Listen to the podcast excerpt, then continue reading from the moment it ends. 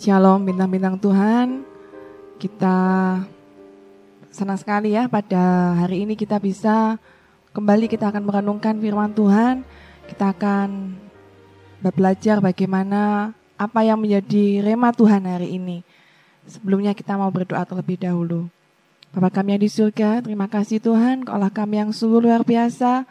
Terima kasih Tuhan buat setiap berkat-berkat-Mu pada hari ini. Terima kasih Tuhan pada setiap kasih dan kemurahan-Mu yang Kau berikan pada setiap hidup kami ya Bapa. Dan saat ini ya Tuhan, biarkan saat ini Kau lembutkan setiap hati kami akan mendengarkan renungan firman-Mu. Biarkan Tuhan firman-Mu menjadi rema dalam hidup kami. Boleh menjadikan, oh Tuhan, sesuatu penyegaran dalam hati kami yang memulihkan setiap hidup kami ya Bapa. Sehingga hidup kami berubah menjadi serupa seperti Engkau ya Kristus. Terima kasih Tuhan. Kami mau serahkan Tuhan seluruh kehidupan kami ke dalam tangan-Mu. Kami mau serahkan Tuhan seluruh penyampaian firman-Mu ini Tuhan. Hanya ke dalam namamu Tuhan Yesus Kristus. Terima kasih ya Bapa. Kami berdoa dan mengucap syukur. Kita yang percaya, kita katakan amin. Ya bintang Tuhan, pada hari ini kita belajar mengenai apa itu iri hati atau mungkin ada istilahnya cemburu ya iri hati itu adalah suatu kondisi emosi yang bisa dialami oleh setiap orang ya. Tetapi kondisi emosi kita mungkin ada perasaan lain seperti khawatir, kita kesepian, kita rendah diri. Mungkin hal seperti itu kita mudah untuk mengungkapkannya. Tetapi sering kali kalau kita merasa iri hati ya, saya percaya pasti hampir semua di antara kita pernah merasa yang namanya iri hati. Tapi perasaan iri hati ini sering kali kita tidak pernah mengungkapkannya kepada orang lain. Kita tidak mau mengakuinya bahwa aku ini adalah orang yang iri hati. Ada suatu ego di dalam diri kita. Nah, bintang Tuhan, ternyata iri hati itu adalah suatu emosi yang cukup berbahaya. Yang kita harus mewaspadainya, jangan sampai kita memiliki iri hati yang terus-menerus ya. Bahkan muncul iri hati itu aja. Itu sebenarnya tidak boleh menurut firman Tuhan. Kita mau lihat contoh-contoh dalam firman Tuhan. Bagaimana iri hati ya. Kita mau lihat contoh kisah dari Kain dan Habil. Kita semua tahu bahwa Kain begitu iri hati dengan adiknya Habil. Ya, karena Kain mempersembahkan hasil-hasil tanaman, hasil-hasil pertanian seperti itu kepada Tuhan. Kemudian Habil dia mempersembahkan ternak-ternak ya dari hasil domba kepada Tuhan. Tetapi Kain melihat kok persembahan dari Habil ini diterima oleh Tuhan sedangkan persembahannya sendiri ditolak oleh Tuhan. Dia merasa kok adikku mendapatkan suatu perlakuan yang khusus berbeda dengan aku. Itu yang membuat Kain begitu iri dengan Habil. Demikian juga kita lihat bagaimana kisah dari Yusuf dengan saudara-saudaranya. Saudara-saudaranya begitu iri dengan Yusuf ketika Yusuf begitu dikasihi oleh ayahnya. Dia begitu iri dengan Yusuf. Sampai akhirnya saudara-saudaranya berusaha untuk menyingkirkan atau membunuh Yusuf. Ya, sampai kita tahu kisahnya bahwa Yusuf akhirnya dimasukkan ke dalam sebuah sumur ya. Saudara-saudara Yusuf begitu iri kenapa ayahnya mengasihi Yusuf lebih daripada mereka. Nah, ada suatu perasaan iri hati dalam diri mereka. Demikian juga kita mau lihat bagaimana kisah Saul ya. Saul dia seorang raja yang besar, raja Israel yang pertama. Dia juga merasa iri dengan Daud. Padahal kalau kita tahu waktu itu Daud belum menjadi raja. Ya, tapi walaupun begitu Tuhan begitu menyertai Daud sehingga Daud bisa mengalahkan Goliat, Daud bisa mengalahkan orang-orang Filistin. Sehingga Saul begitu merasa aku kalah dengan Daud. Sehingga ada sorak-sorak dari rakyat Israel yang berkata, Daud mengalahkan berlaksa-laksa, sedangkan Saul hanya beribu-ribu ya. Mungkin seperti itu. Jadi sehingga Saul begitu merasa iri hati dengan Daud. Nah, bintang Tuhan, ada suatu perasaan-perasaan iri hati yang mungkin bisa terjadi di dalam diri kita. Kenapa sebenarnya muncul iri hati? Ada suatu hal yang sungguh mengejutkan. Di dalam Galatia 5 ayat yang ke-19, Paulus menyejajarkan kecemburuan atau iri hati itu sama dengan dosa penyembahan berhala, pembunuh dan sebagainya. Jadi dosa iri hati itu sebenarnya sejajar dengan dosa-dosa yang lain. Coba kita akan lihat dalam kitab Galatia pasal yang kelima. Ya, kita mau baca. Galatia pasal yang kelima, ayat yang ke-19. Perbuatan daging telah nyata, yaitu percabulan, kecemaran, hawa nafsu, penyembahan berhala, sihir, perseturuan, perselisihan, iri hati, amarah, kepentingan diri sendiri, percideraan, roh pemecah, kedengkian, kemabukan, pesta pora, dan sebagainya. Terhadap semuanya itu kuperingatkan kamu, seperti yang telah kubuat dahulu bahwa barang siapa yang melakukan hal-hal yang demikian, ia tidak akan mendapat bagian dalam kerajaan Allah. Bintang Tuhan sungguh mengejutkan kita. Mungkin kita merasa bahwa iri hati adalah dosa yang ringan ya. Oh dosa, ah ini enggak merupakan satu dosa yang cukup besar. Jadi kita mungkin merasa bahwa itu loh kalau percabulan, perjinahan, atau kemabukan, kedengkian, atau penyembahan berhala itu adalah dosa yang besar. Sedangkan iri hati itu dosa yang biasa, tersembunyi. Bahkan orang lain pun tidak tahu kalau aku iri hati.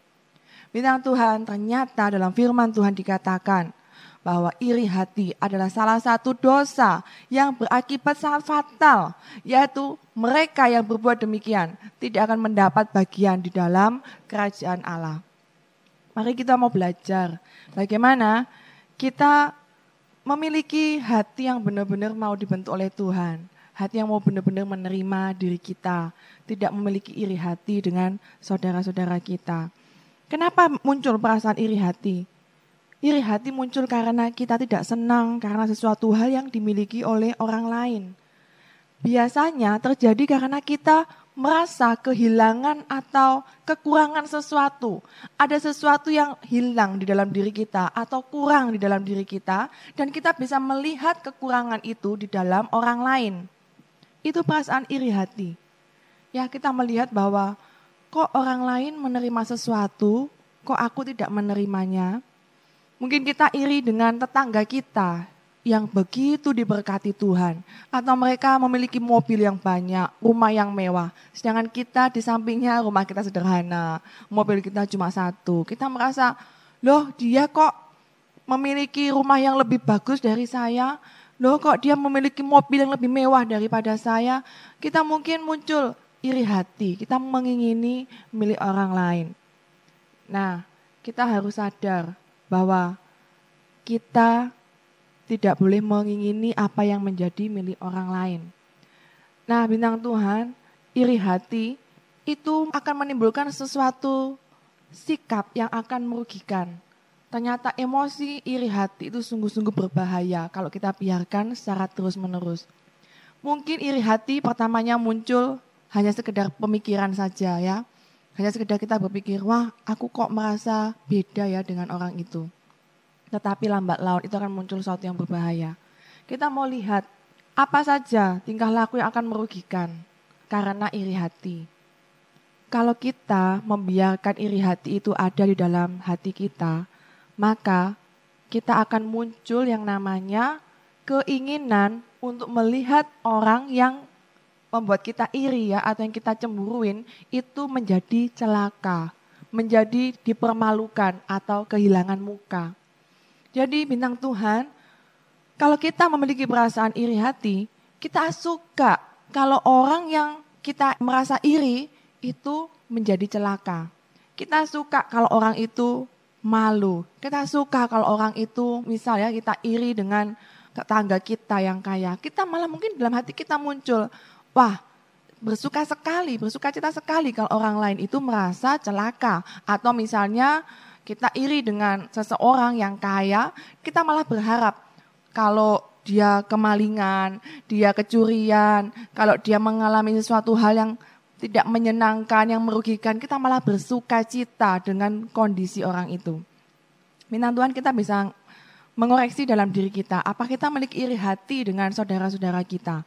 Kalau kita merasa iri hati dengan saudara kita, kita suka kalau orang lain itu mengalami yang namanya hal-hal yang tidak menyenangkan, hal-hal yang celaka, kita malah bersuka cita. Misal ya, mungkin dalam anak-anak muda yang masih sekolah, kita iri dengan teman-teman kita yang mendapatkan nilai yang baik. Nah, ketika teman kita mendapatkan nilai yang buruk, kita bersuka cita. Hore, aku lebih baik dari dia. Kita lalu bersuka cita ketika dia mendapatkan nilai yang jelek. Nah, itu berarti ada suatu iri hati di dalam diri kita. Berbahaya ya iri hati itu karena itu adalah bibit-bibit penyakit kanker yang bisa perlahan-lahan menggerogoti pikiran kita. Ini sangat berbahaya. Jadi kita harus belajar mengendalikan pikiran kita, mengendalikan hati kita. Karena cara pikir ini, ini akan terus berkembang ya. Kalau kita memberikan makanan terhadap iri hati kita, iri hati itu akan berkembang, akan semakin berkembang dan berkembang. Ini sangat berbahaya. Jadi iri hati itu muncul karena apa? Kita kepengen orang lain itu celaka, ini berbahaya ya. Kemudian yang kedua, muncul satu tingkah-tingkah ya, kita iri hati itu adalah muncul kita membanding-bandingkan diri kita dengan orang lain. Siapa di sini yang suka sekali membanding-bandingkan diri kita dengan orang lain ya? Waduh, aku mobilku cuma satu, kalau mobilnya ada tiga. Oh, kalau aku ini cantiknya kok cuma segini, yang lain itu tetanggaku cantiknya kok lebih banyak, mungkin seperti itu ya. Jadi kita suka membanding-bandingkan diri kita dengan orang lain. Ini sangat berbahaya. Ternyata ada berbagai macam iri hati. Iri hati itu adalah satu keinginan melihat orang lain tidak memiliki hak atau hal-hal yang dia inginkan. Misalnya seorang mahasiswa, dia iri hati dengan temannya yang memiliki pacar yang cantik. ya Dia merasa bahwa ah dia seharusnya tidak berhak mendapatkan pacar secantik itu, aku yang berhak. Nah, seperti itu. Jadi ada suatu iri hati dalam dirinya. Jadi ini sangat menguasai dirinya. Sehingga ini mungkin pertama kali itu muncul pikiran yang biasa. Tapi hati-hati, saya sudah katakan tadi, ini seperti kanker yang akan terus menggerogoti kalau kita tidak benar-benar bisa mengatasinya dengan baik. Ya, saya percaya bahwa kita sebagai manusia, mungkin kita pasti pernah mengalami ya. Kita pernah mengalami dan tidak mungkin kita, wah hidupnya sudah baik, suci semuanya. Tapi adalah satu proses bagaimana kita bisa mengendalikan setiap pikiran-pikiran kita. Kemudian ada lagi iri hati yaitu yang keinginan untuk menjadi sama seperti orang lain. Ya, mungkin kita iri hati dengan tadi seperti kisah Yusuf dengan saudara-saudaranya. Nah, saudara-saudaranya mungkin merasa iri dengan Yusuf karena aku pengen menjadi seperti Yusuf yang dikasihi oleh ayah yang begitu mendapat belas kasihan dari ayah yang diberikan jubah yang bagus sedangkan saudara-saudaranya merasa tidak disayangi oleh papanya, oleh bapaknya. Nah, ini ya adalah salah satu bentuk-bentuk dari iri hati. Ternyata iri hati itu adalah satu konotasi yang negatif ya. Tapi ada sesuatu hal yang mungkin dalam bahasa Indonesia iri hati itu berbeda dengan kecemburuan ya. Kalau dalam bahasa Inggris itu lebih jelas ya. Iri hati itu dalam bahasa Inggrisnya adalah envy. Sedangkan cemburu itu bahasa Inggrisnya adalah jealous ya. Mungkin kita pernah tahu jealous artinya cemburu. Nah, kecemburuan itu adalah suatu hal yang sebenarnya mempunyai konotasi yang baik ya. Bahkan dalam firman Tuhan pun Allah berkata, Allah cemburu dengan kita. Allah mengingini roh yang ada di dalam kita dengan cemburu.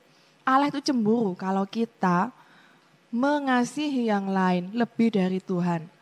Ya, Allah begitu cemburu dengan kita. Kalau kita sukanya dalam kehidupan kita, kita lebih menyukai kekayaan kita, kita lebih menyukai kedudukan kita, kita lebih mengasihi keluarga kita lebih dari Tuhan. Firman Tuhan berkata, Dia Allah yang cemburu. Jadi sebenarnya kecemburuan itu suatu hal yang biasa, suatu hal yang lumrah dimiliki oleh manusia. Jadi saya mau bedakan di sini antara cemburu dengan iri hati. Iri hati itulah yang tidak diperkenankan oleh Tuhan. Cemburu mungkin kita bisa cemburu ya. Kalau mungkin kita sering pernah dengar bahwa cemburu itu adalah tanda dari kita sayang dengan seseorang. Ya. Jadi misalnya ada suatu pasangan ya, kalau tidak pernah cemburu sedikit pun, wah itu yang berbahaya. Apakah dia benar-benar cinta dengan pasangannya?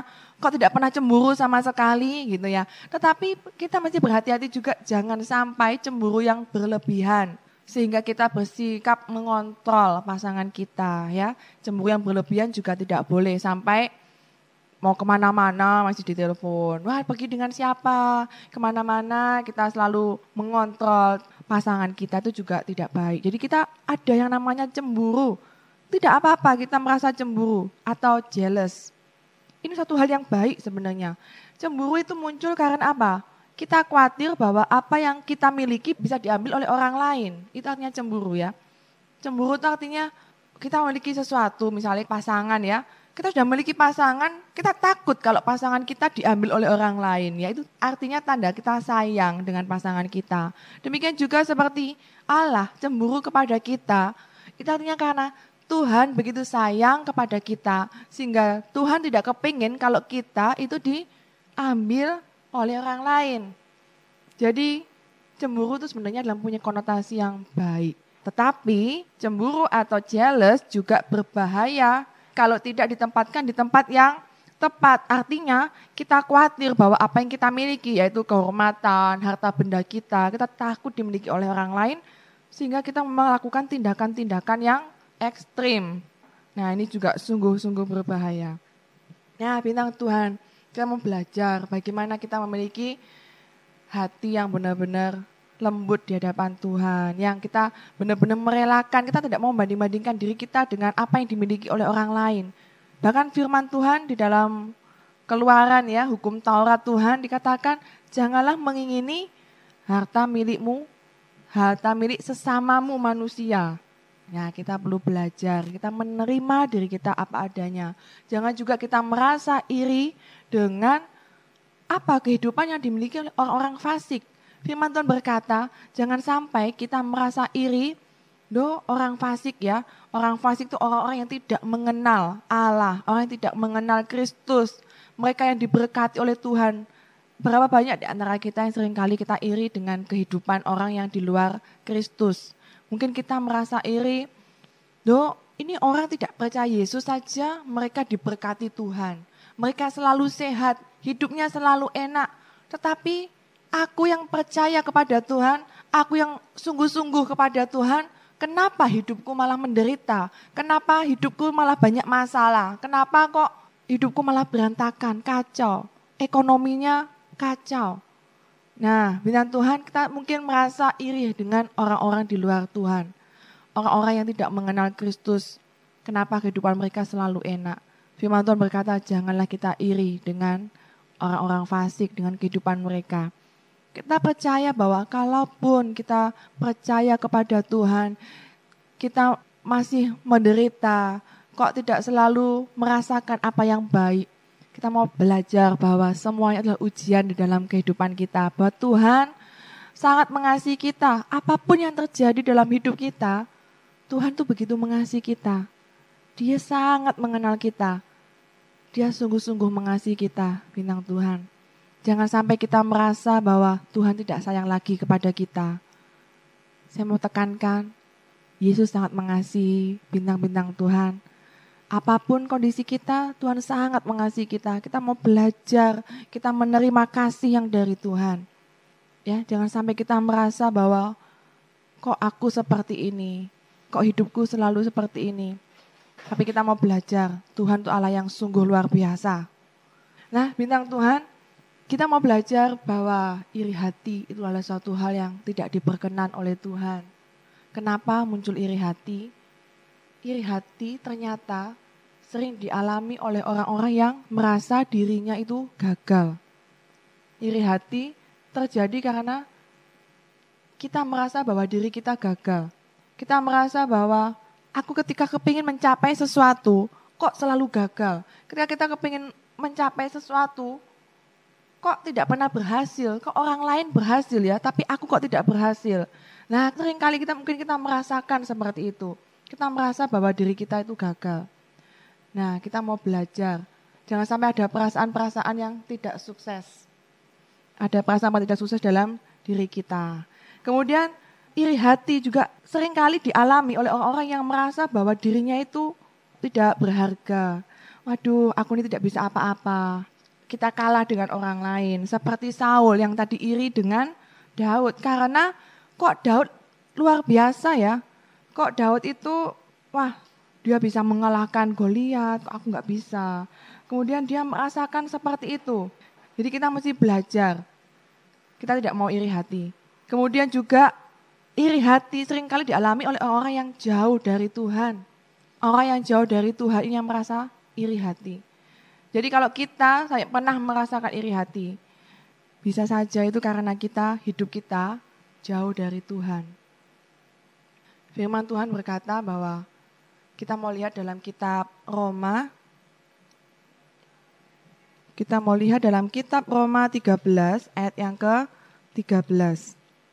Marilah kita hidup dengan sopan seperti pada siang hari, jangan dalam pesta pora dan kemabukan, jangan dalam percabulan dan hawa nafsu, jangan dalam perselisihan dan iri hati. Jadi kita jangan iri hati, karena itu adalah tanda-tanda orang yang menolak Allah, orang yang hidupnya jauh dari Allah. Bintang Tuhan, iri hati, itu sangat mempengaruhi jalan pikiran manusia, yang menyebabkan manusia itu cenderung menyukai kecelakaan yang dialami oleh sesamanya. Jadi iri hati itu bisa muncul dan kelihatan dari kata-kata kita atau kita suka menggosip tangga kita, menggosip teman-teman kita atau kita suka mengkritik atau bahkan kita suka membuat guyonan-guyonan atau humor yang membuat kebenaran sendiri dan ternyata humor itu adalah merugikan orang lain. Jadi kita bisa tahu kita tuh termasuk orang yang iri hati atau tidak. Nah, bintang Tuhan, iri hati itu ternyata sangat mempengaruhi perasaan kita. Kalau kita benar-benar iri hati, kita akan merasa selalu susah, pikiran kita tertekan, dan kita tidak bisa merasakan yang namanya sukacita, bahagia, dan tidak pernah merasa diri kita puas. Bintang Tuhan kita mau belajar bahwa diri kita tidak mau iri hati. ya Iri hati akan menyebabkan diri kita tidak bisa merasakan sukacita dan mempengaruhi tingkah laku manusia. Kalau kita lihat tadi ya, akibat dari iri hati. Mungkin iri hati itu muncul perasaan tidak suka. Yang pertama kali kita muncul tidak suka dengan saudara-saudara kita. Kemudian muncul iri hati. Setelah iri hati, kalau pikiran itu terus berkembang, akan muncul yang namanya kejahatan. Kalau kita lihat dalam kisah Kain dan Habil, rasa pertama yang muncul adalah perasaan tidak suka, perasaan membanding-bandingkan, perasaan tidak enak karena dirinya mendapatkan yang tidak baik, kemudian akhirnya pikiran itu berkembang dan akhirnya akan berakibat dengan kejahatan, membalas dendam, kekerasan, dan berakhir pada pembunuhan. Jadi sampai Kain bisa membunuh Habil itu muncul karena ada suatu iri hati. Bintang Tuhan, iri hati juga akan menghambat hubungan kita dengan saudara-saudara kita. Coba kalau kita iri dengan saudara kita, kita pasti merasa tidak enak. Kita berkomunikasi dengan teman kita, kita tidak enak, memiliki hubungan yang tidak baik dengan saudara kita, dan terlebih lagi hubungan kita dengan Tuhan. Coba kalau kita mau cek diri kita, kalau kita sedang merasa tidak enak dengan seorang, kita merasa iri hati dengan teman-teman kita, pasti ketika kita berdoa, kita tidak akan merasakan suatu damai sejahtera. Ketika kita berdoa, kita merasakan sesuatu yang tidak enak, ada suatu rasa bersalah di dalam diri kita, kita masih menyimpan suatu dosa. Bintang Tuhan, kita mau belajar bagaimana kita benar-benar bisa bebas dari yang namanya iri hati. Ya, kita mau belajar bagaimana kita benar-benar dibebaskan dari iri hati. Kita mau belajar ya, bagaimana kita bisa bebas dari iri hati. Langkah pertama kita ketika ada suatu muncul ada suatu muncul perasaan sedikit saja mengenai kita rasa tidak suka dengan seseorang. Kita mau belajar, kita cepat memendamnya, cepat kita menghapuskan itu dari pikiran kita. Kita tidak membiarkan pikiran itu berkembang. Kalau pikiran itu berkembang terus dalam pikiran kita, oh kalau kita sudah tidak suka dengan seorang dan kita terus mengembangkan itu, itu akan sangat berbahaya. Akan muncul tindakan-tindakan yang lain. Minta Tuhan kita membaca dalam 1 Korintus 3 ayat yang ketiga. 1 Korintus 3 ayat yang ketiga dikatakan seperti ini. Karena kamu masih manusia duniawi, sebab jika di antara kamu ada iri hati dan perselisihan, bukankah hal itu menunjukkan bahwa kamu manusia duniawi dan bahwa kamu hidup secara manusiawi? Ternyata dalam firman Tuhan dikatakan kalau kita masih memiliki iri hati di dalam diri kita, kita masih sering berselisih dengan saudara-saudara kita, berarti kita adalah manusia duniawi. Kita masih manusia duniawi, masih belum benar-benar kita kenal dengan Tuhan kita secara pribadi. Kita mau belajar, kita mengenal Yesus ya. Kita mau ingat sekali bahwa iri hati adalah salah satu dosa yang membuat kita tidak dibenarkan di dalam kerajaan Allah. Apa yang terjadi apabila kita selalu merasakan iri hati? Kita mau lihat dalam kitab Yakobus. Yakobus pasal yang ketiga, ayat yang ke-16. Demikian firman Tuhan, sebab di mana ada iri hati dan mementingkan diri sendiri, di situ ada kekacauan dan segala macam perbuatan jahat. Jadi, kalau kita menyimpan iri hati di dalam hati kita, yang muncul adalah suatu kekacauan dan segala macam perbuatan jahat. Kemudian kita mau lihat lagi, apa akibat yang dialami oleh orang yang hidupnya terus-menerus ada di dalam iri hati. Orang yang hidupnya selalu merasa iri dengan saudaranya, selalu merasa iri dengan tetangganya, merasa iri dengan teman-temannya, dengan sahabat-sahabatnya. Apa yang terjadi? Amsal 14 ayat yang ke-30 dikatakan demikian. Hati yang tenang menyegarkan tubuh, tetapi iri hati membusukkan tulang. Iri hati akan membusukkan tulang kita. Di dalam iri hati tidak akan ada yang namanya suatu kedamaian. Karena iri hati itu akan merusak emosi kita. Iri hati akan merusak jiwa kita ya sehingga iri hati akan membuat kita cenderung kita merendahkan orang lain. Kita akan berusaha untuk merusak orang lain menjelek-jelekkan orang lain dan merasa bahwa diri kita adalah diri yang terbaik. Bintang Tuhan kita harus percaya bahwa diri kita Tuhan ciptakan dengan suatu hal yang sungguh luar biasa.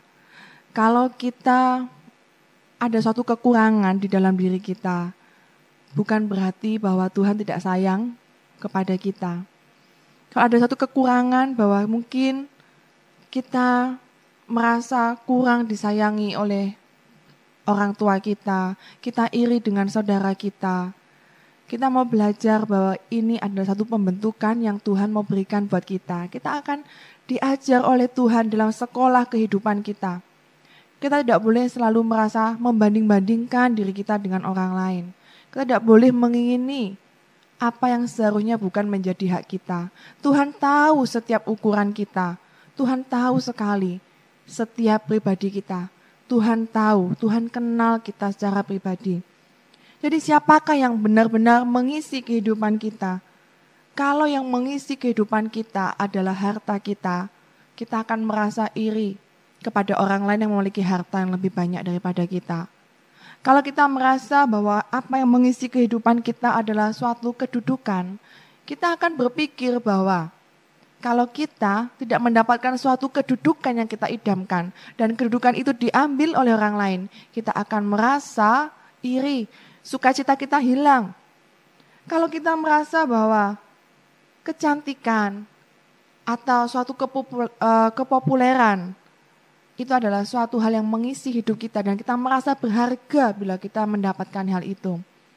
Itu akan membuat kita iri hati dengan orang yang memilikinya. Tetapi kita mau belajar. Kita sudah diisi dengan Tuhan Yesus. Tuhan ada di dalam hati kita. Kita mau biarkan Tuhan berdiam di dalam diri kita. Kalau Tuhan ada di dalam diri kita, Kepada siapa kita harus takut, kepada siapa kita harus membanding-bandingkan. Karena Tuhan itu terlebih besar dari semuanya. Ketika kita sudah memiliki Tuhan di dalam hidup kita, kita tidak akan pernah kekurangan suatu apa pun. Kalau kita melihat ya dalam Mazmur 23, suatu penyegaran yang sungguh luar biasa untuk jiwa kita. Mazmur 23, Tuhan adalah gembalaku yang baik. Tuhan adalah gembalaku, takkan kekurangan aku. Ia membaringkan aku di padang yang berumput hijau. Ia membimbing aku ke air yang tenang. Ia menyegarkan jiwaku. Ia menuntun aku di jalan yang benar oleh karena namanya. Sekalipun aku berjalan dalam lembah kekelaman, aku tidak takut bahaya, sebab engkau besertaku. Gadamu dan tongkatmu itulah yang menghibur aku. Engkau menyediakan hidangan bagiku di hadapan lawanku, Engkau mengurapi kepalaku dengan minyak, kepalaku penuh melimpah. Kebajikan dan kemurahan belaka akan mengikuti aku seumur hidupku, dan aku akan diam di dalam rumah Tuhan sepanjang masa. Bintang Tuhan, kita percaya bahwa Tuhan adalah gembala kita yang baik. Ketika Tuhan menjadi gembala kita, kita tidak akan kekurangan apa pun. Dia memberikan satu ketenangan di dalam jiwa kita tidak ada suatu perasaan iri hati dalam diri kita. Kita mau belajar menerima diri kita apa adanya. Menerima setiap kondisi kita, tetapi bukan berarti kita menjadi putus asa. Ya sudahlah aku seperti ini. Tetapi kita mau tetap berusaha, kita mau belajar, kita mencapai yang terbaik. Tetapi kita berserahkan semuanya kepada Tuhan. Bintang Tuhan, demikian firman Tuhan, kita mau belajar hari ini bahwa jangan ada iri hati dalam hidup kita. Kita mau bereskan setiap hati kita selama diri kita. Mungkin kita ada yang merasa bahwa aku nggak pernah iri dengan saudaraku, aku nggak pernah. Tetapi Tuhan tahu setiap kedalaman hati kita. Apakah kita menyimpan sesuatu yang busuk di dalam hati kita. Kita lihat firman Tuhan dalam kitab Amsal tadi bahwa iri hati akan membusukkan tulang. Mungkin pertama-tama itu tidak apa-apa. Mungkin untuk awalnya itu biasa saja, tetapi ingatlah bahwa iri hati itu seperti kanker yang akan menggerogoti perlahan-lahan dan akhirnya akan membawa suatu kematian dalam jiwa kita. Di mana ada iri hati, ada kekacauan, dan kita tidak akan pernah bisa dekat dengan Tuhan. Bintang Tuhan, mari kita minta kepada Tuhan untuk Tuhan memulihkan hati kita. Mungkin kita merasa Tuhan sulit sekali bagi aku untuk benar-benar aku menerima keadaanku. Tapi kita mau belajar bersama-sama. Kita percaya bahwa Tuhan adalah sungguh Allah yang luar biasa. Dia sanggup memulihkan kita. Dia sanggup melembutkan hati kita. Dia sanggup benar-benar membuat kita benar-benar ada di dalam hadirat Tuhan. Penuh dengan sukacita. Dibebaskan dari segala iri hati, ketamakan, keserakahan, dan segala kecemburuan yang berakibat negatif. Bina Tuhan kita mau belajar, Tuhan membentuk hati kita. Saya percaya sekali bahwa Tuhan sanggup memulihkan kita. Ya mari kita berdoa. Terima kasih Tuhan, Kau Allah kami yang sungguh dahsyat. Kami percaya Tuhan, saat ini Kau melihat setiap hati bintang-bintang Tuhan di mana pun kami berada. Engkau tahu setiap kedalaman hati kami Tuhan. Bila hati kami menyimpan suatu iri hati di dalam hidup kami, kami tidak mau Tuhan, kami terus menyimpan keirian itu terus-menerus Tuhan dalam hati kami. Karena di mana ada iri hati, di situ ada kekacauan, di situ ada suatu kejahatan yang muncul, dan perlahan-lahan itu akan menimbulkan sesuatu yang berbahaya Tuhan dalam hidup kami. Kami tidak mau Tuhan, kami terus menyimpan iri hati dalam hidup kami dan sehingga berbuah-buah pada dosa ya Tuhan. Bila firmanmu berkata ya Bapa, orang yang iri hati tidak akan mendapat bagian di dalam kerajaan Allah. Kami mau berdoa saat ini ya Bapa, Engkau pulihkan setiap hati kami. Kau pulihkan setiap belenggu-belenggu dosa di dalam hidup kami. Kami percaya Tuhan bahwa Engkau lah yang sanggup memulihkan kami. Kami percaya Tuhan, Kau sanggup Tuhan membebaskan kami dari segala iri hati ini Tuhan. Kami mau Tuhan Kau pulihkan hubungan kami dengan saudara-saudara kami. Engkau mau tumpas Tuhan setiap akar-akar iri hati Tuhan. Kami berdoa saat ini ya Tuhan, Kau bebaskan setiap kami yang mendengarkan siaran ini Tuhan. Engkau bebaskan setiap kami, kami percaya ada suatu pemulihan di dalam diri kami. Ada suatu pembaharuan pikiran Tuhan yang akan kau berikan kepada kami. Ada suatu metanoia Tuhan yang akan terjadi Tuhan. Terima kasih ya Bapak. Kami percaya Tuhan, mulai saat ini Engkau mau bebaskan kami, buat kami sadar Tuhan, bahwa Engkau Allah yang sungguh luar biasa. Engkau Allah yang menyediakan setiap kebutuhan kami. Oh, kami percaya Tuhan. Mungkin Kau tidak memberikan apa yang kami inginkan, tapi kami percaya Engkau memberikan apa yang kami butuhkan ya Bapa. Terima kasih Roh Kudus, Engkau bungkus setiap hati kami dengan kuasa darahmu Tuhan. Karena Engkau Allah yang sungguh-sungguh luar biasa, Allah yang mengasihi kami. Terima kasih ya Bapa. Kami serahkan Tuhan seluruh hidup kami ke dalam tanganmu. Engkau Allah yang menjaga kami, menyertai kami. Terima kasih Tuhan. Kami serahkan Tuhan seluruh kehidupan kami dari dalam nama Tuhan Yesus Kristus. Mari yang percaya kita katakan amin. Ya mari bintang Tuhan. Untuk terakhir kata saya mau berpesan bahwa jadilah bintang Tuhan yang selalu bersinar di mana pun kita berada. Amin.